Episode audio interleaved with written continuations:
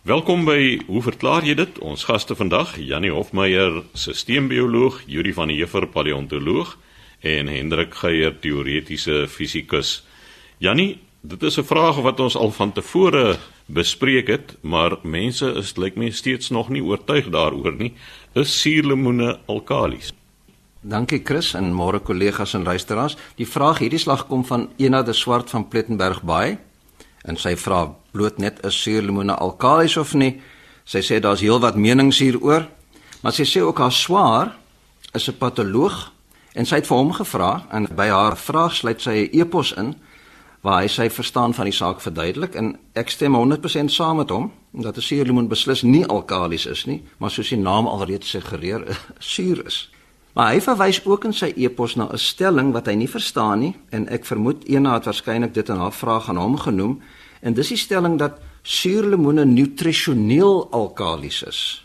So dit is iets wat 'n ander hoek op die saak is, maar ek neem aan hierdie stelling het betrekking op die sogenaamde alkalisiese dieet waaroor ek in 'n toekomstige aflewering van hoe verklaar jy dit sal sê. Maar kom ons begin nou maar eers met net die idee van suurgraad en hoekom suurlemoene dan beslis nie alkalies is nie. So dan moet ons eers vra wat is 'n suur?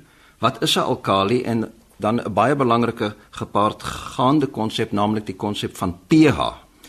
So kom ons begin by 'n watermolekuul want dit alles te doen met water en waterige oplossings. So as ons suiwer water neem, dis 'n watermolekuul bestaan uit twee waterstofatome en 'n suurstofatoom, H2O. Nou hierdie molekuul kan dissosieer na twee spesies toe, 'n positief gelaaide waterstofion, H+ en 'n negatiewe ion wat ons noem 'n hidroksielion, OH-. So die water dissosieer in twee teenoorgestelde gelaaide deeltjies. Maar in suiwer water dissosieer egter net 'n klein gedeelte van die water sodat die konsentrasie van die waterstofione en die hidroksielione baie laag is in vergelyking nou met die met die ongedissosieerde water. So nou hoe meet ons konsentrasie? Ons moet 'n een eenheid hê waar ons dit in meet en die eenheid wat ons in chemie gebruik om konsentrasie meet te meet staan bekend as molar of aantal mol van 'n spesifieke tipe molekuul per liter. Nou weer eens, wat is 'n mol? Sê mens moet heeltyd weer terugwerk na al hierdie konsepte toe. Mol is 'n baie eenvoudige ding. As mens verstaan wat dosyn is in beginsel, dan verstaan jy ook wat 'n mol is. Want niemand het 'n probleem as ons praat van 2 dosyn eiers nie, dan weet ons is 2 maal 12 eiers. So ons gebruik 12 vir as 'n teleenheid. Nou in chemie gebruik ons ook 'n teleenheid as ons wil verwys na die hoeveelheid atome of hoeveelheid molekules. En die teleenheid staan bekend as Avogadro se getal. Ek dink Hendrik het in 'n vorige program ook al oor Avogadro se getal gepraat. Nou dit is 'n enorme groot teleenheid. 6.022 maal 10 tot die mag 23. So dit is te groot om aan te dink, maar dit kom natuurlik van die hoeveelheid atome wat mens in 12 gram koolstof kry, die hoeveelheid koolstofatome. Maar is baie eenvoudig as mens net dink dit is 'n teleenheid. So 'n mol is 'n hoeveelheid waterstofione as ons nou praat van die konsentrasie van die hoeveelheid van waterstofione. Nou in suiwer water is beide die H+ en die OH- waterstofione en hidroksielion konsentrasie 10 tot die mag -7 molar. En nou wat ons doen is om die negatiewe logaritme daarvan te neem. So die logaritme van 10 tot die mag -7 is -7 en as mens nou die negatief daarvan neem dan kry mens 7. So neutrale water wat net gedissosieer het om 10 tot die mag minus 7 molaar van beide die H+ en die OH- te vorm, die het dan 'n pH van 7 en ons noem dit neutrale pH.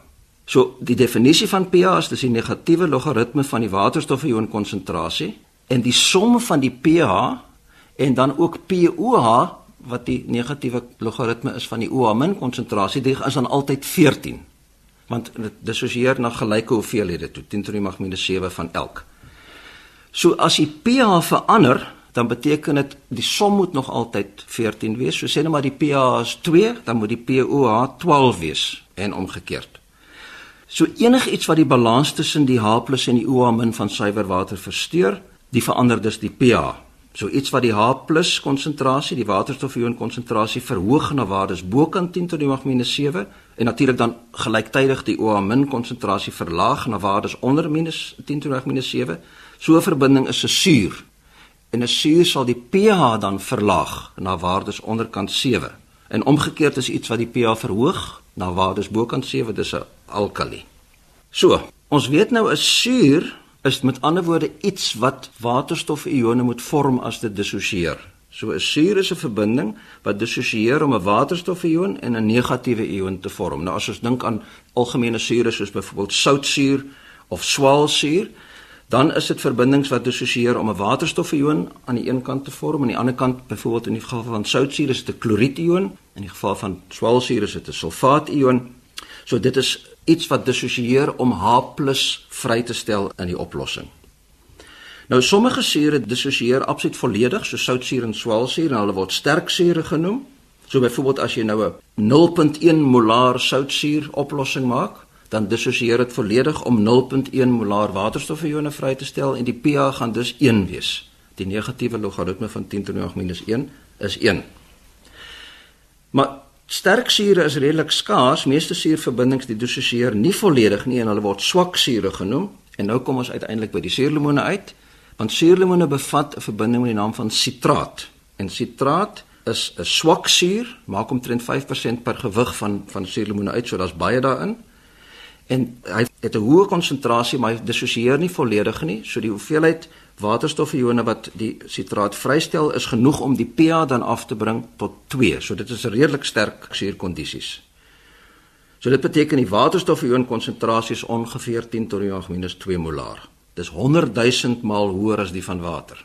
So as mens net na die suurgraad van suurlemoene kyk, dan is dit baie beslis 'n suur tipe van kossoort. Om die waarheid te sê, alle natuurlike kossoorte is suur. Nie so suur noodwendig soos so suurlemoene nie, maar met 'n pH van onderkant 7. Daar is nie iets soos 'n alkalisiese natuurlike kossoort nie. Sekere van ons uh, geproduseerde kossoorte soos koek en so aan, die kan hoor, as daar koek so daarbey kom en so dan kan dit 'n hoër pH hê. Maar natuurlike kossoorte alle pH's onderkant 7. So wat ek nou in 'n volgende program gaan verduidelik is dat die stelling dat 'n kossoort nutrisioneel 'n alkalisiese effek het, al is dit self suur, dit het niks te maak nie met die pH van die kossoorte nie, maar dit het te doen met 'n sogenaamde alkalisiese as wat oorbly as hierdie kossoort nou eksperimenteel in 'n laboratorium in 'n sogenaamde bomkalorimeter verbrand word dan natuurlik organiese verbindings die gaan na koolstofgas en water toe, maar dan bly daar 'n anorganiese residu oor wat nou bekend staan as as. En sommige van die as jy dit oplos in water, gee dit suurige pH en ander gee alkalisiese pH. En nou is daar hierdie Wollard storie dat as mens sulke kossoorte eet, dan gebeur dieselfde in die liggaam. Met ander woorde, die kos word gemetaboliseer, verbrand en dan bly daar hierdie as oor in die liggaam en dit sal dan die liggaam nou meer alkalies of meer suur maak afhangende van die tipe van as. En ena, ek gaan in 'n volgende program nou verduidelik hoekom dit nonsens is en ek hoop jy kan inskakel vir die tweede gedeelte van my antwoord. So sê Janie Hofmeyer, ons sisteembioloog. Yuri, jy het 'n vraag ontvang wat handel oor die mini-ystydperk. 'n Brief van uh, die bekende skrywer Dr Dan Sley.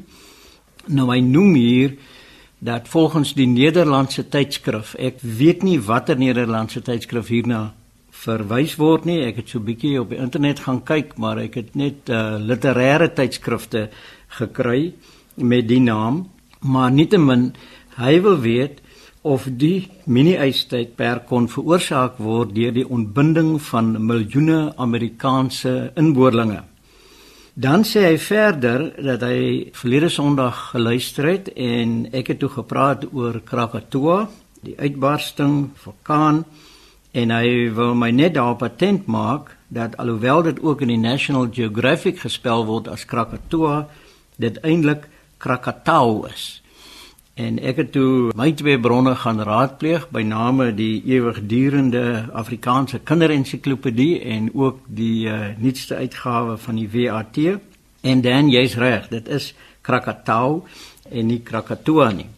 Nou, die mini-ystydperk is redelik goed bekend. Dit word algemeen aanvaar dat dit geduur het van plus minus 1300 tot so 1850, maar dit is nie in baie gevalle uh, enkele gebeurtes nie, maar 'n uh, ystydperk van wisselende invloed. En dis ook nie 'n enkele ystydperk wat net so gedefinieer kan word nie. So oor die algemeen word aanvaar dat dit ten minste meer twee fases gehad het tussen 1290 tot laat 1420 en dan in jaar 1500 het dit so effens warmer geraak. Maar die koudste was vanaf 1645 tot 1715. Dit het veroorsaak dat die gemiddelde wintertemperatuur oor die tydperk min of meer 2 grade Celsius gedaal het. En uh, dit klink nie nou baie nie, maar sulke dalings kan 'n uh, eh, geweldige invloed hê. Nou die datums wat hiervoor gegee word, is nie in beton gegiet nie. En dit het ook verskil van plek tot plek. Wat wel gebeur het tydens hierdie ystydperk is dat in Europa het riviere vereis wat in baie gevalle nie voorheen vereis het nie. Dit het toegelaat dat weermagte en onderlinge gevegte tussen nasies op 'n ander manier gevoer is. Want op een stadium is die Hollandse vloot vasgeëis in die hawe gewees. Sekere magte kon oor riviere beweeg wat heeltemal vereis is en wat voorheen nou 'n moeilike terrein sou gewees het.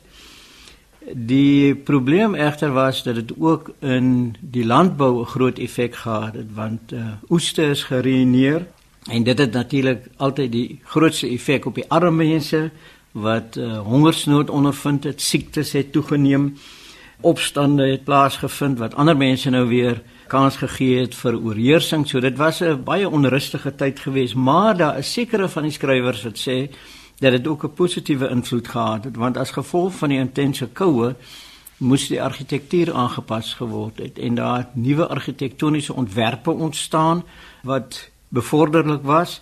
Daar het 'n hele kunsrigting ontstaan van skilders wat hierdie ystonele en uh, sneeuberge en mense wat skaats op vereiste riviere alles aangeteken het in die kuns.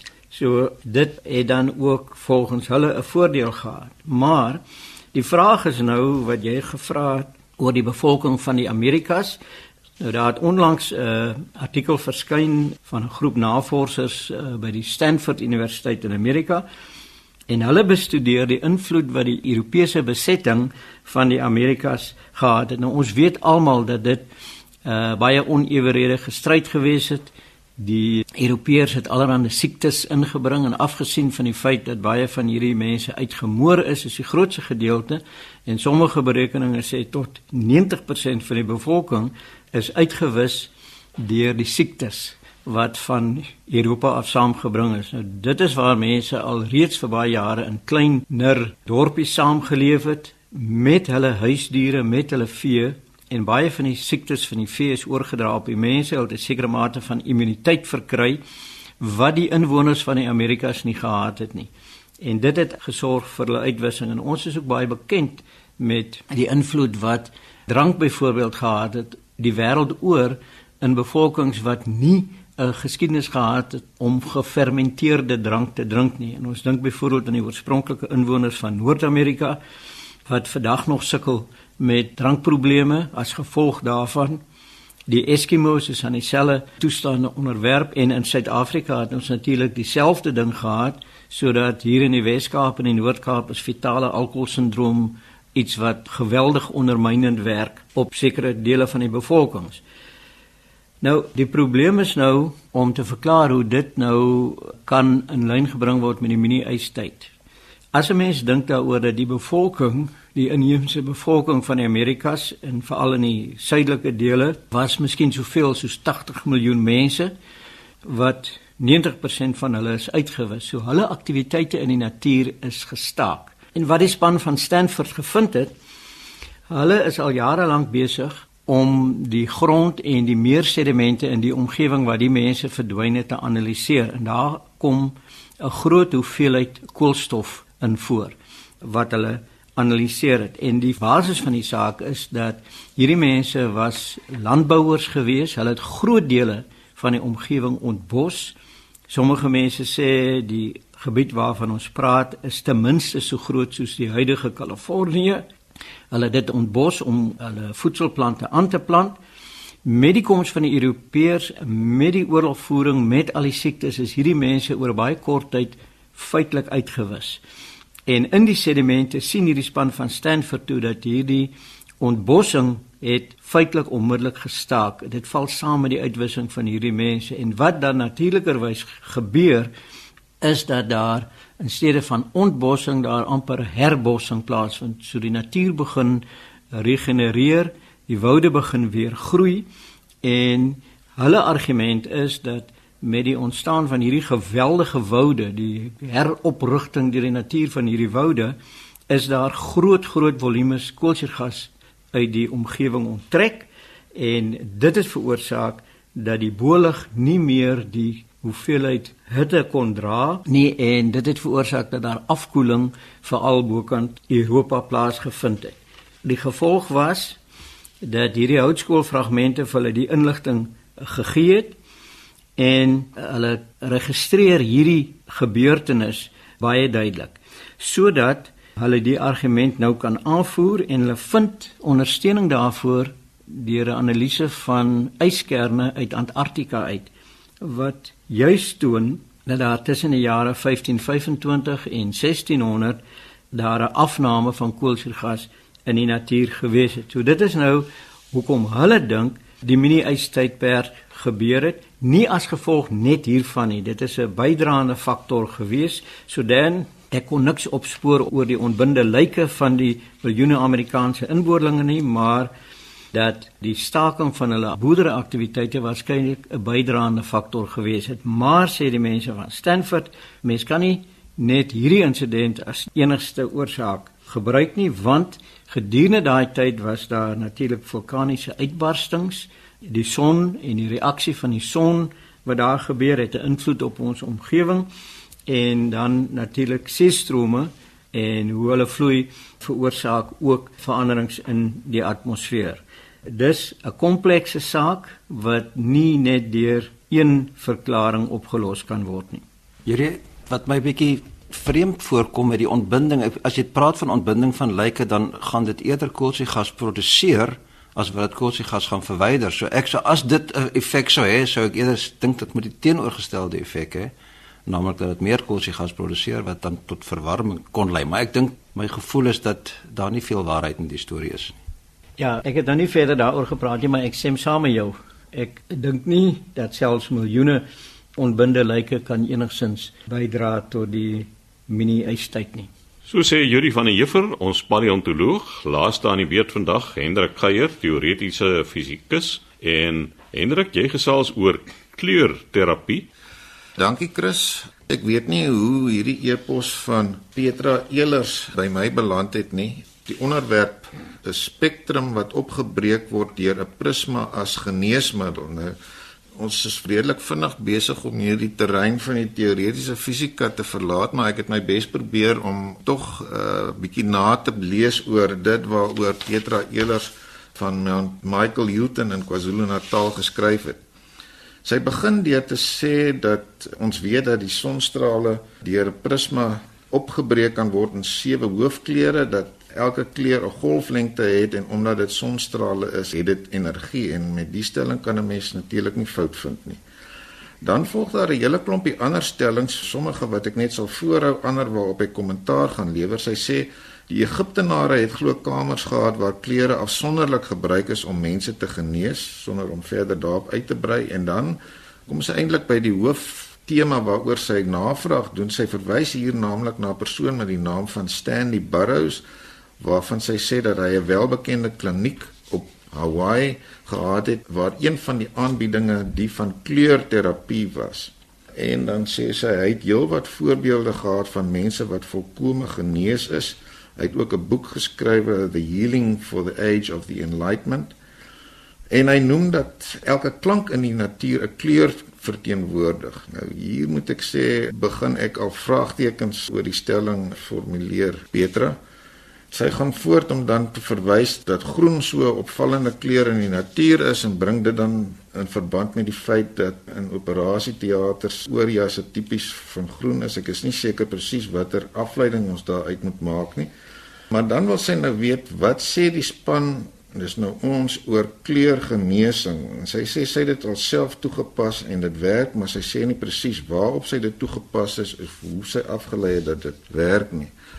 Dan is hier 'n paar stellings wat ek dink uit die boek van Burroughs geneem is dat uh, suurlemoen wat geel is met vitamiene in verband gebring kan word en druiwe wat pers is vir kanker help. Hiereens is daar min wat hierdie stellings boekstaaf alhoewel ons natuurlik weet dat suurlemoene wel vitamiene bevat. En dan vir my interessante posisie wat Petra hier formuleer. Sy sê dis 'n hoogs wetenskaplike benadering. Ek neem nou aan die wat in die boek aangebied word wat sy as leek nie mooi kan verduidelik nie, maar sy wil nou eintlik weet wat is ons opinie daarvan. Nou Chris, laat my toe om eers te sê dat dit is inderdaad so dat daar beperkte toepassings is van kom ons noem dit nou maar kleurterapie byvoorbeeld is dit bekend dat ultraviolet lig suksesvol gebruik kan word om sommige velkwale te behandel. Verder weet ons dat veral vir diegene wat in die noordelike halfrond aan die lang donker winters uitgelewer is en nie die son vir maande sien nie, slaapstoringe opdoen, selfs aan depressie begin ly en dat helder ligterapie in hierdie omstandighede wel ook suksesvol gebruik kan word. Maar ek dink dit waaroor Petra hier navraag doen is van die tipe aansprake wat eintlik baie meer breedsprakig is. Nou ek het gaan kyk wat 'n mens van die persoon Stanley Burroughs kan lees, daar is snaaks genoeg nie veel wat 'n mens kan agterkom nie, wel dat hy van 1903 tot 1991 gelewe het, dat sy werklike naam skynbaar Aaron Hayes was dat hy by meer as een geleentheid met die reg kennis gemaak het omdat hy 'n praktisyn van alternatiewe medisyne was. In 1960 vir die eerste keer is hy skuldig bevind in Kalifornië dat hy sonder 'n lisensie gepraktiseer het. En daar was in 1984 'n soortgelyke geval gewees met 'n ernstiger aanklag naamlik van tweede graadse moord. Ek is nie presies seker wat die uiteindelike bevinding was nie, maar daar was definitief 'n skuldig bevinding van een of ander aard en dit het verband gehou met die dood van 'n leukemie pasiënt wat hom verlaat het op Burroughs se behandeling wat ingesluit het 'n suurlemoen drankie. Ek het gesien dat sommige van sy kritici daarna verwys as 'n suurlemoen konkoksie. Ek sal my nou nie daaroor wil uitspreek nie, maar dat dit ook ingesluit het hierdie sogenaamde ligterapie en dan iets anders wat hy gepropageer het, naamlik sogenaamde diep massering. En nou presies wat die oorsaak van hierdie pasiënt se dood was, is nie vir my heeltemal duidelik nie. Dit lyk vir my dit word meer aan die kwas gehang van hierdie diep massering, maar hoe ook al, dit was 'n persoon wat onder sy behandeling tot sterwe gekom het. So, Janie het in sy antwoord vroeër in hierdie program verwys na Wollaar stories. Ek moet sê baie van die elemente van wat ek lees van wat meneer Burroughs gepropageer en voorgestaan het, lyk vir my ook na Wollaar stories indien nie wat 'n mens miskien selfs kwaksalwery sal wil noem nie. Die blote gedagte dat of die aanspraak dat iets soos blootstelling aan lig van verskillende kleure so wyd uiteenlopende genesende effek kan hê soos dat dit kanker kan genees en allerlei ander kwale. Soos ek gesê het tipies die soort ding wat in alternatiewe medisyne teëgekom word naamlik dat daar een kuur is vir omtrent elke liewe kwaal wat jy aan kan dink en dit alleen dink ek behoort vir 'n mens gevaarlik te laat flikker So dit lyk vir my dat 'n boek wat spesifiek nou nog oor die voorgeskrewe dieet wat op 'n suurlemoen drankie dieet gebaseer is en wat deel is van 'n hele klomp dieete wat tipies veronderstel is om 'n detoksiese effek op die liggaam te hê. Daar is weinig van hierdie goed wat soos wat Petra hier vermoed sal kan kwalifiseer as dinge wat op 'n wetenskaplike benadering gebaseer is want deel van die wetenskaplike benadering is sekerlik die hele kwessie van toetsing deur ewe knie beoordeling en deurgaande verfyning van bevindinge. Met ander woorde dat daar deurlopend aan 'n spesifieke soort stelling wat gemaak word aandag gegee word nie net deur die persoon wat dit vir watter rede ook al propageer nie gewoonlik net vir eie finansiële gewin maar dat mense wat op 'n ander manier belang by dieselfde saak het, dit ondersoek, kommentaar lewer en dat 'n mens op hierdie manier kan agterkom hoe geldig al dan nie van hierdie aansprake is en in hierdie spesifieke geval en in die algemeen is dit ongelukkig so dat baie min van hierdie aansprake sistematies aan verdere evaluering onderworpe is dat hierdie goed geboekstaaf is sodat mense dit onafhanklik kan nagaan en verder daarop kan kommentaar lewer. Nou, suggestie is natuurlik deel van 'n genesingsproses wat 'n mens nie kan ontken nie en ek wil nie vir Petra uit haar eie behandeling met kleurterapie uitpraat nie, maar ek sou dink 'n mens moet versigtig wees om al hierdie goed sommer net vir soetkoek op te eet. So Chris, dis my beskeie kommentaar hierop. Ek weet nie of van my kollegas dalk nog iets te sê het nie. Interessant Hendrik, in die 60er jare het ek 'n boek gehad wat deur 'n sekere dokter Last geskryf is, L U S T. En hy het min of meer hierdie selfde mediese praktyk gehad en sy hoek waar hy daarna gekyk het was groente en vrugte. En dis alles sappe wat jy maak, jy versap groente en jy versap vrugte. En die groentesappe is die meristyne, dis die sterkes. En dan die uh, vrugtesappe was die vitamiene wat jy nou moet drink om jou liggaam weer op te bou. En dan het hy 'n hele lys siektes gehad wat hy gesê het in die boek wat hy kon genees hierdeur. En ek dink die ding wat hom bietjie ontbloot is is dat hy sommer kanker en verkoue langs mekaar gehad het as jy nou die medisyne gebruik ongeag watter soort kanker dit is. Ja, hy het in die niet verdwyn soos waarskynlik hierdie persoon waar jy ook oor gepraat het nou uiteindelik in die niet sal verdwyn. Dit dan Hendrik Geier, ons teoretiese fisikus. Die tyd het ons ingehaal. Skryf gerus aan hoe verklaar jy dit? Posbus 2551 Kaapstad 8000 of stuur 'n e-pos aan chris@rsg.co.za.